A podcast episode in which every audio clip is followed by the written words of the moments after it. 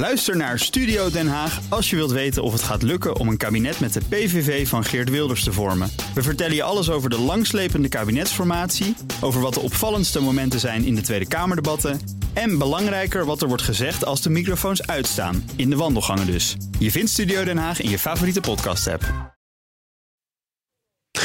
Er staat geen maat op de brandstofprijzen, heeft ook gevolgen voor de inflatie. En de steunmaatregelen hebben de Nederlandse overheid tot nu toe 82 miljard euro gekost. Wordt ook nog even doorgerekend tot volgend jaar door de Rekenkamer. Dat en meer bespreek ik met het economenpanel. Daar is het Esther Barendrecht, hoofd van Rabo Research in Nederland. En Steven Brakman, hoogleraar internationale economie aan de Rijksuniversiteit Groningen. Goedemiddag, fijn dat jullie er zijn. Met allereerst dan maar aandacht voor de energieprijzen. Die schieten door het dak. Einde lijkt nog niet in zicht. Voor het eerst ligt de, de gemiddelde advies prijs van benzine boven de 2 euro per liter. En ook de aardgasprijs zit al een tijdje in de lift. In Frankrijk wordt er nu actie ondernomen. Daar hebben ze hem bevroren. Um, Steven, wat speelt hier nu precies? Is hier echt een duidelijke verklaring voor aan te voeren? Of is het een perfect storm? Nou ja, de, verklaring is heel simpel. Het is vraag en aanbod. Dus er is veel vraag, weinig aanbod. En dat, dat doet de prijs stijgen. Dus je kunt uh, kijken naar de factoren die daar verantwoordelijk voor zijn. Dus denk aan de vraag. We, we komen uit de crisis. Dus de vraag naar energie neemt toe. Nou, zowel olie als uh, gas. En het aanbod, dat blijft achter. Dus daar, daar zijn verschillende verklaringen voor. denk aan de pijpleiding vanuit Rusland naar hier, Nord Stream 2. Uh, dat moet nog gecertificeerd worden. Nou, dat duurt allemaal eindeloos. Dus ja. het aanbod daarvan uh, blijft achter. Daarmee wordt het ook meteen politiek. Ja, dat weet ik niet. Uh, die pijp die moet ze, moet, ze, moeten nu op dit moment kijken of die lekt. Dus dat is eigenlijk uh, niet zozeer politiek, maar ze moeten kijken of, of, die, uh, of dat gas goed getransporteerd kan worden. Ja, maar daaraan voorafgaand was er nog een discussie over of degene die verantwoordelijk is voor de aanleg van de pijp er ook iets door mag laten vervoeren. En wie geeft ja, ook toegang maar de, wat? de geschiedenis helpt ons een beetje mee. Dus ook in, ten tijde van de Koude Oorlog heeft Rusland daar eigenlijk niet zoveel aan gedaan. Dus de energiestroom van die kant die bleef eigenlijk op gang, want ze zijn afhankelijk van, van de opbrengsten van het aardgas. Maar goed, dat, dat is dus één, één verklaring. Uh, een andere, misschien wat meer fundamentele verklaring is de energietransitie. Denk aan Duitsland. Die gaat over van, uh, uh, van fossiele brandstof naar aardgas en dan naar zon en wind. Maar goed, die tussenstap die zijn ze nu aan het maken hè, naar aardgas. Dus dat doet het aanbod in onze richting wat afnemen. Dus vandaar, vandaar dat hier de, de prijzen, prijzen. En hoe groot zijn inmiddels, Esther, de problemen voor huishoudens? TNO kwam vorige week met een rapport over energiearmoede. We zien ook dat industrie, die voor een belangrijk deel draait op aardgas, in de problemen komt. Ook al heeft gevraagd aan de overheden om te hulp te schieten. Uh, wordt dat een groot probleem? Nou ja, energieprijzen, dat, dat maakt natuurlijk wel uit. Hè? Dus voor een huishouden maken die zo'n 4 maakt energieconsumptie, rechtstreeks energieconsumptie, eigenlijk zo'n 4% van het, van het consumptiemandje uit. Uh, dus dat is op zich substantieel. En uh, je moet eigenlijk denken, een, een gemiddeld gezin besteedt zo'n 1600 euro uh, aan, uh, aan energie, waarvan zo'n 1000 euro gas. En uh, ja, dus dan, dan kun je daar berekeningen op loslaten van goh, wat als deze prijzen, of de prijzen van vorige week, want het gaat heel hard op momenten, als die, als die, die, die blijven bestaan. Je kunt vooral rekening gaan houden met een fixe naheffing. Um, nou, wat je vooral moet kijken. Kijk, dat ligt aan het contract wat je hebt. Hè. Dus huishoudens hebben natuurlijk. Uh, sommige mensen hebben flexibele prijzen, maar de meeste hebben volgens mij toch wel vaste prijzen. En ook energiebedrijven hebben hè, een deels, deels soms gehedged of langer vastgelegd. Dus het wordt niet allemaal in één keer um, doorgerekend. Maar ja, als je, als je uitgaat van een, van een doorrekening uh, met, met ongeveer een kwart. Uh, heeft mijn collega Hugo Erken, die heeft daar vorige week een berekening op losgelaten. Die kwam op zo'n 600 euro hogere energiekosten voor zo'n gemiddeld gezin. Nou, dat is en dat was, serieus? Ja, en dan moet ik er een paar dingen bij zeggen. Het ene is dat was de prijzen van een week geleden. Die zijn inmiddels nog hoger. dat wil zeggen dan en dan een jaar vooruit. Um, maar anderzijds denk ik, er zijn ook wel andere factoren in het spel. Want bijvoorbeeld, uh, het lijkt erop dat Den Haag ook wel een beetje aan het kijken is of ze de eigen gasproductie hier toch misschien nog ja. wat kunnen ja. op, uh, op. En, en ze hebben natuurlijk ook in de Kamer besloten dat ze de energiebelasting, uh, uh, wat is het, minder willen verhogen. Dus je ziet dat Den Haag ook wel ja, op zoek is naar manieren om dit uh, te beïnvloeden. Nou ja, Steven, het is inderdaad ook een, een Haagse kwestie. Vorige week was hier Menno Snel van Nogepa, de staatssecretaris die inmiddels de belangen behartigt van de fossiele industrie. En die wees erop dat Nederland al sinds 2018 importeur is van aardgas. En hij zei ja, als je dat weet, dan weet je ook dat je wat gevoeliger wordt voor wat er wereldwijd allemaal speelt. Je kunt niet meer rekenen op Groningen, niet meer in de mate waarop je dat kon doen. Sluit dan langere contracten af, dan koop je ook wat zekerheid. Is dat een Nou, ik druk het nu zwaar uit, maar is dat een strategische blunder dat dat dan niet gebeurt? Nou, strategische blunder weet ik niet. Kijk, vorig jaar waren die, de energieprijzen heel laag. Dus uh, je, je kunt ook vooruitkijken en denken, nou, dat, uh, dat valt wel mee. En als het nodig is, kopen, kopen we wel uh, aardgas en olie. Dus dat, dat valt wel mee. De gasunie heeft wel gewezen begin dit jaar op de, die putten. We hebben ook vijf grote putten in Nederland, die waren leeg. Nou, één is nu weer gevuld. Nou, er is geen voorraad. Er is geen nou, voorraad. En op dit moment nu veel aardgas importeren, terwijl de prijs zo hoog is, is ook weer niet handig. Dus ik denk, Blok wijst dan op het dat het aanhouden van een voorraad ook heel duur is. Precies, het aanhouden van die voorraad. Maar als je nu tegen, tegen de, de hoofdprijs uh, gas moet kopen en het in de grond moet stoppen om die voorraad aan te vullen, ja, dat doe je ook niet graag. En wat ik ook begreep van, uh, dus in Den Haag wordt er nagedacht om misschien toch het Gronings aardgas ietsje meer te laten produceren, die, uh, het Slochterenveld. Uh, de prijselasticiteit schijnt heel hoog te zijn. Dat wil zeggen, klein beetje extra aanbod doet de prijs ook meteen fors dalen. Dus de, de volatiliteit, de bewegelijkheid van die prijzen, die zou best eens groot kunnen zijn. Dus een klein beetje extra aanbod. Stel dat die certificering van die Nord Stream 2, die pijpleiding, als het wat sneller gaat, dat het niet vier of vijf maanden duurt, maar dat het al na één of twee maanden geregeld is, ja, dan heb je toch kans dat die prijs weer daalt. Maar goed, het, het belangrijke, denk ik, wat we nu leren, uh, vandaar dat ik het Duitsland voorbeeld noemde, is dat de energietransitie kost geld. En ik denk dat waar we nu tegenaan lopen, er zijn allerlei toevallige factoren. Hè, een koud voorjaar, nou dat is allemaal mooi. Dat zijn tijdelijke elementen die een rol spelen.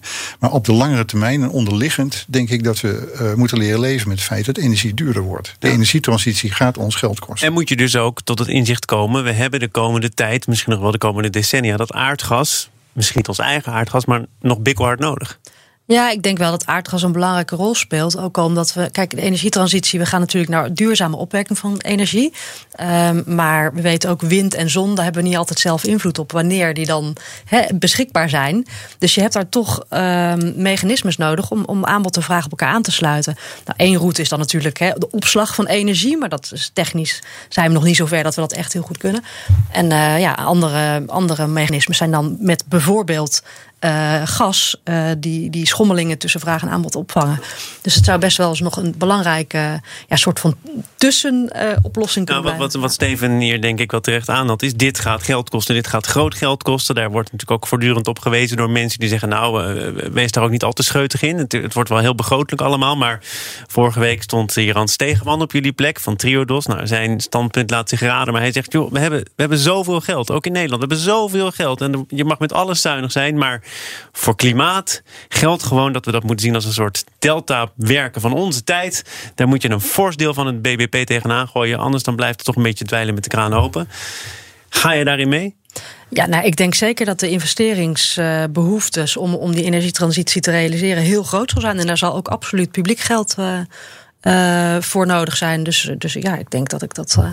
Maar hoe je het ook financiert, of het nou met belasting is of rechtstreeks aan de consument, het gaat ons meer geld kosten. En ik denk ook dat we in de toekomst uh, nog afhankelijk zullen zijn van aardgas. Het voordeel van aardgas is dat die elektriciteitscentrales, die kun je heel, heel snel, de capaciteit kun je vergroten door aardgas in te zetten. Een kolencentrale is veel lastiger dat duurt heel lang voordat de, de capaciteit en de productie toe, toeneemt. Dus ik denk dat aardgas heel belangrijk, uh, een heel belangrijke rol blijft spelen voorlopig. We zien inmiddels ook dat uh, onder andere die energieprijzen hun uitwerking hebben op het inflatiecijfer. Kwam uh, vorige maand uit op 3,4 procent in heel Europa. Dat is dus dik boven die voor de ECB zo heilige 2 procent. Mag inmiddels iets meer zijn dan 2 procent, geloof ik. Maar in ieder geval, die norm van die 2 procent die wordt overschreden. Betekent dat ook dat we kunnen wachten op ander centrale bankenbeleid? Ik, ik denk het wel. Dus uh, kijk, de centrale bank heeft de afgelopen tijd hebben ze voortdurend gewezen op de tijdelijkheid van de toenemende inflatie. Nou ja, hoe lang hou je dat nu vol? Dus ik denk dat Lagarde toch eens een keer achter, zich achter de oren moet krabbelen van ja, wat, hoe lang duurt tijdelijk? Nou, we zien nu tekenen. Filosofisch. we, zien nu toch tekenen dat die inflatie uh, zich wat lijkt te bestendigen op een hoger niveau. Hè. Dus denk aan uh, nou ja, de energieprijzen die gestegen zijn.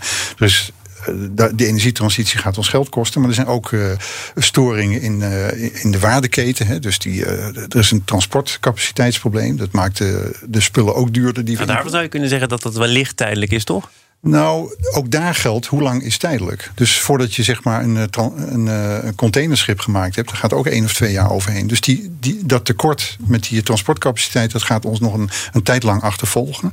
En je hebt natuurlijk ook onderliggend, denk aan Nederland, de, vergrij, de vergrijzing. En het tekort op de arbeidsmarkt. Nou, uiteindelijk gaat dat toch uh, weerspiegeld worden in een loonstijging. En dat valt nu nog wel mee. Ik geloof die cao-lonen die stijgen nu met 2,5 procent. Dus dat valt nu wel mee, maar dat, dat gaat wel veranderen. Dus onderliggend zijn er toch tekenen dat die inflatie, waarvan de ECB zegt dat die tijdelijk is, dat die wel eens uh, veel bestendiger zou kunnen zijn dan, dan ze nu denkt. Nou, Esther, de, de open vraag die ik nu aan jou ga stellen ligt heel erg voor de hand. Hoe lang is tijdelijk? Ja, nou, hele moeilijke vraag. Nee, um, ik denk dat we, kunnen volgens mij al wel zeggen, het duurt misschien eigenlijk al wel wat langer dan, dan we dachten. Uh, en misschien kan het ook nog wel wat langer duren dan we dachten. Maar um, wat, wat ik misschien nog even in aanvulling op wat uh, Steven net zei, wat ik wel een interessant scenario vind hè, over het. Um, over die, die waardeketens. Is wat, van wat gebeurt er nou als straks heel veel bedrijven echt vanuit strategische overwegingen ook die waardeketens terug gaan halen. Ik denk dat dat een scenario is ja, wat, wat interessant is om in de gaten te houden, omdat dat ook ja, de, de positie van werknemers echt zou versterken hier. En dan denk ik dat je een um, dat je uh, ja, inderdaad uh, opwaartse krachten op je lonen uh, heel duurzaam zouden kunnen zijn. Maar goed, dat is een scenario wat denk ik denkbaar is, maar waar we nog niet. Uh, ja, zijn. dat heb je in ieder geval niet morgen geregeld nee, natuurlijk. Hè? Er zijn bedrijven ja. mee bezig. Uh, reshoring heet dat, meen ik. Ja. Om bepaalde zaken dichter bij huis te brengen en ook meer invloed te hebben op de keten. Dat heeft gevolgen voor de positie van werknemers. Heeft gevolgen voor misschien wel de positie van China en Azië op het hele wereldtoneel. Ja, nee, dat denk ik. Ja. Uh, maar goed, dat is dus iets wat we voor de komende periode. Oh, Steven. Maar, maar om nog uh, terug te komen op het inflatieprobleem. Uh, ik denk dat je heel, helemaal gelijk hebt dat bedrijven zich, ja, zich gaan heroriënteren. Of ze wel afhankelijk willen zijn van één leverancier aan de andere kant van de wereld. Dus dat ze gaan reshoren. Betekent ook dat spullen duurder worden. Dus die bedrijven zaten daar niet voor niks aan de andere kant van de wereld, omdat het goedkoop was. Uh, transport was geen probleem. Dus dat was uh, heel efficiënt, goedkoop. Nou ja, op het moment dat je dat gaat uh, heroverwegen, worden de spullen wel duurder. En ook dat draagt in ieder geval, zolang dat proces gaande is, bij aan de inflatie. Dus tijdelijk wordt steeds langer in ieder geval. Dat ja, en ik, ik, denk dat het heel belangrijk is dat de ECB daar echt een keer goed over nadenkt. Ook hoe ze de, de verandering van het beleid gaan aankondigen. Stel dat ze morgen zeggen we gaan de rente verhogen. Nou, dan, dan heb je meteen een probleem op de financiële markten. Dus dat moeten ze aankondigen Ze moeten zeggen van nou, als het komende half jaar de inflatie uh, hoog blijft, hoger dan die 2%, dan gaan we toch de rente verhogen. Dus als je het nou van tevoren aankondigt, dan is de schok ook minder groot. Maar ik denk wel dat het tijd wordt dat ze dat een keer doen. Uh, omdat ze al heel lang eigenlijk een instrument uit handen geven, het renteinstrument. Dus op het moment dat er nu gaat het heel goed met de economie, maar op het moment dat er weer een dal is, wil je een instrument hebben en wil je de rente kunnen verlagen. Nou, dat kan op dit moment niet. We gaan uh, over naar de kosten van andere instrumenten.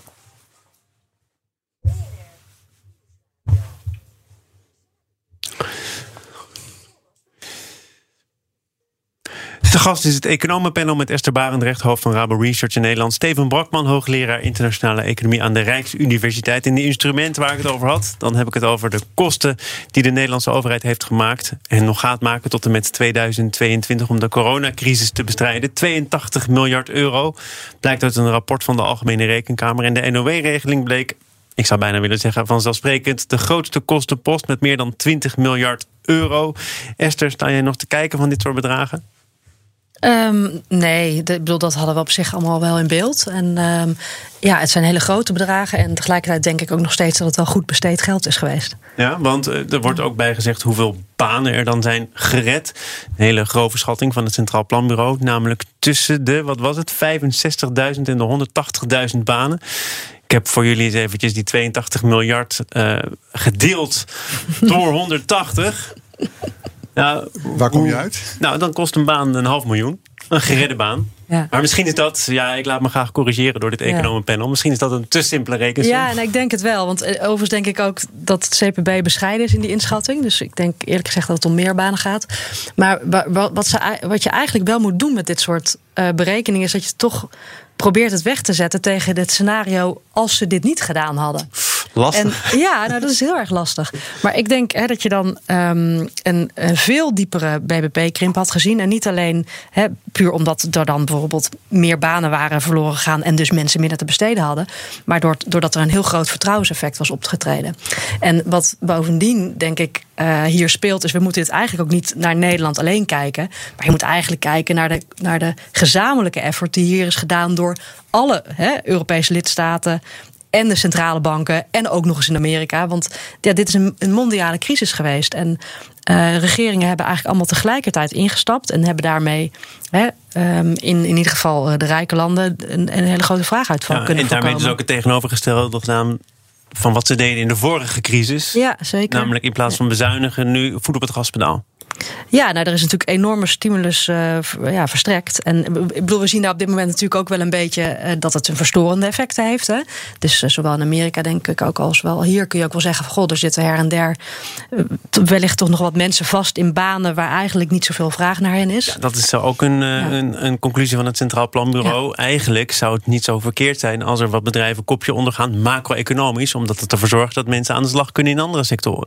Ja, nou, op dit moment heeft de arbeidsmarkt natuurlijk wel meer dynamiek nodig. Dus, dus we zijn in een tegenovergestelde situatie nu terechtgekomen van een hele krappe arbeidsmarkt. Dus uh, ja, voor bedrijven zelf die die steun nog nodig hebben en die hè, nu net is afgelopen, is dat heel pijnlijk. Voor de economie als geheel kun je denk ik eigenlijk een positief effectje verwachten. Doordat ja, dat setje wordt gegeven aan hè, die resterende mensen die eigenlijk elders heel hard nodig zijn. Is die, die ja. 82 miljard, Steven, is dat uh, goed besteed geld? Of grosso modo goed besteed geld? Had het ook met iets minder gekund? Wat denk jij? Het is heel goed besteed geld. Dus ik ben het helemaal eens met Esther.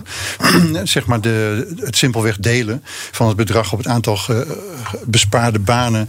Uh, Simpel, hè? Ja, ik weet is, het. Dat is, kijk, wat je ook doet, je voorkomt dat bedrijven failliet gaan. En stel dat bedrijven die het eigenlijk normaal gesproken redden, dat die uh, wel failliet gaan, ja, dat sleep je heel lang achter je aan. En dat is nu voorkomen. En het andere punt waar het CPB terecht op wijst, is uh, noodzakelijke aanpassingen worden vertraagd. Ja, die komen nu wel. Dus nu stoppen die regelingen. Dus die bedrijven die het sowieso niet gered hadden, nou, die hebben het een tijdje uitgezongen, een jaar langer dan, dan het anders, anders was geweest. Nou, die aanpassing die komt nu wel op gang. Dus ik denk dat het, dat het per heel goed besteed geld is. En je ziet het ook, als je het vergelijkt met Europa, dat we dat heel royaal gedaan hebben. En met als bijeffect, of het gevolg daarvan, is dat we ook sneller herstellen en beter herstellen dan andere landen. Ja, maar wil je dat op de lange termijn blijven volhouden, dan komt het IMF met een ongevraagd advies voor Nederland, namelijk investeer in onderwijs, investeer in onderzoek. Vinden we volgens mij in Nederland ook al heel lang. Dat oh, jij, wij... jij, maakt ook een kanttekening, begrijp ik? Nee hoor, dat vinden we heel lang, maar dat vind ik nou echt wat losstaan van deze coronacrisis. Die coronacrisis was een, echt een, een schok die over ons heen denderde. Ja, daar moesten we heel snel iets voor bedenken. Dat is heel goed gegaan.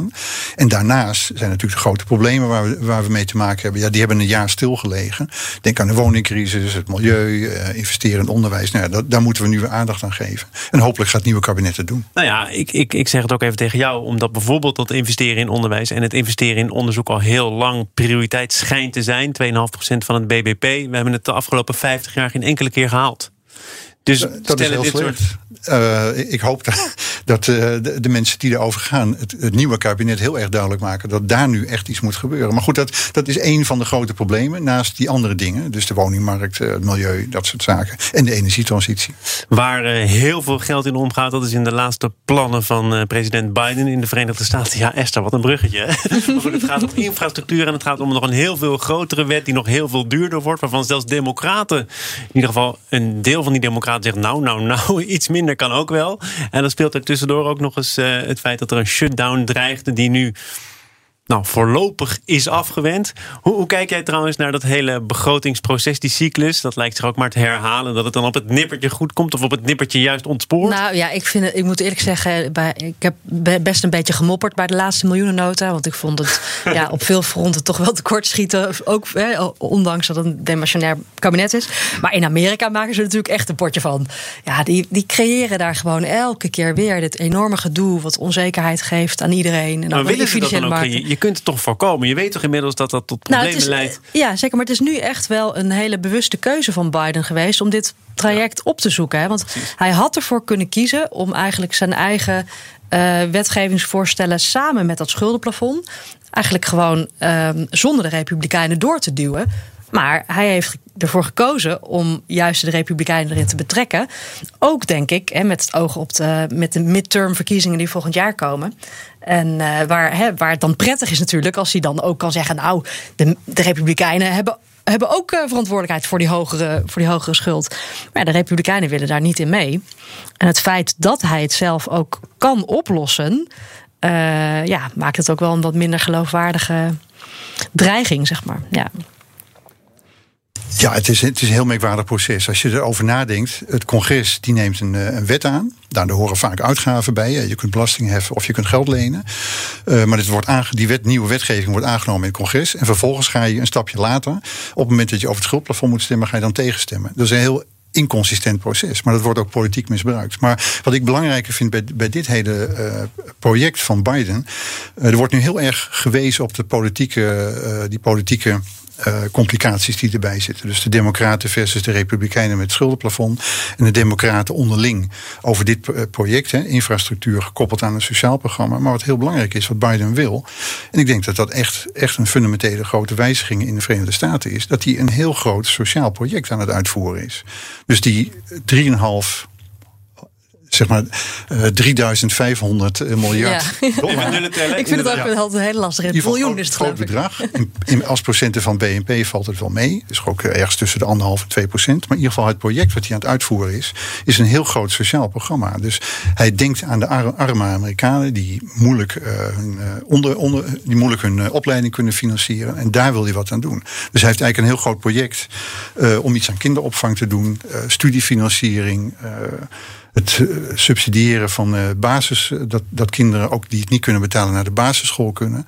In de hoop dat die armoede, waar veel Amerikanen aan in terecht zijn gekomen, om daar wat aan te doen. En dat hele sociale programma wat hij nu aan het doen is, en ik denk dat de kant van de, demo, van de, van de Democraten, de Bernie Sanders aanhangers, die wijzen daarop dat dat een heel belangrijk project is. Dus los van die, van die politieke perikelen is dat, dit denk ik heel belangrijk. Maar en dat, die politieke perikelen horen er nou eenmaal bij, omdat die geld moet kunnen reserveren voor dat hele grote ja. plan, dat grote project. Maar goed, wat, wat dus eigenlijk heel merkwaardig is, er wordt enorm opgegeven van, van de grootte van bedrag. Ik kwam er net ook bijna niet uit. Maar als percentage van het Amerikaanse nationale inkomen is het, is het iets van anderhalf procent. Dus waar heb je het over? En nog gedurende tien jaar. Dus er wordt een enorme uh, impuls gegeven aan armoedebestrijding. Echt, echt een belangrijk project voor de Verenigde Staten. En dat doet men eigenlijk betrekkelijk onbegrijpelijk heel moeilijk over. Dus ik zou zeggen uh, tegen de Democraten: doe het niet zo moeilijk. Het bedrag stelt eigenlijk niet zoveel voor. Het wordt gespreid over tien jaar. Waar heb je het over? Gelukkig hadden we het over heel veel zaken wel in dit economenpanel. Steven Brakman, hoogleraar internationale economie aan de Rijksuniversiteit Groningen. En Esther Barendrecht, hoofd van Rabo Research in Nederland. Tot snel. Tot ook Thomas van Zeil vind je in de BNR-app. Je kunt live naar mij luisteren in Zaken doen. De BNR-app met breaking news, het laatste zakelijke nieuws... en je vindt er alle BNR-podcasts, bijvoorbeeld Het Nieuwe Geld. Download nu de gratis BNR-app en blijf scherp.